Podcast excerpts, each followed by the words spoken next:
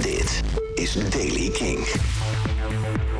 Vandaag is er veel bewolking. Slechts af en toe schijnt de zon. Er zijn ook buien, dus kans op onweer. In de kustprovincies zijn er ook zware windstoten. Er wordt slechts 16 graden. Nieuws over Ozzy Osbourne en Kings of Leon. Dit is de Daily King van vrijdag 16 september. Michiel Veenstra.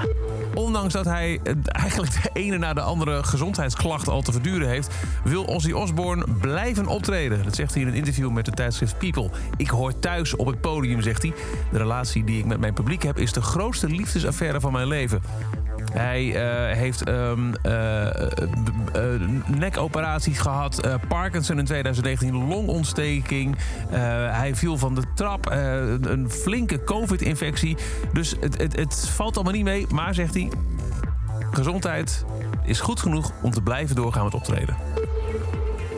Kings of Leon stappen in de whisky business. Ze komen met een eigen limited edition collectie onder de naam Kiamichi...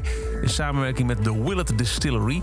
En dat wordt uh, gepresenteerd op het dit weekend plaatsvindende Bourbon and Beyond Festival in Louisville. Er zijn drie verschillende lijnen te vinden in de Kiamichi whisky soort. Een rye van 5 en 8 jaar oud en een bourbon van 19 jaar oud. Die laatste gaat later dit jaar in de verkoop.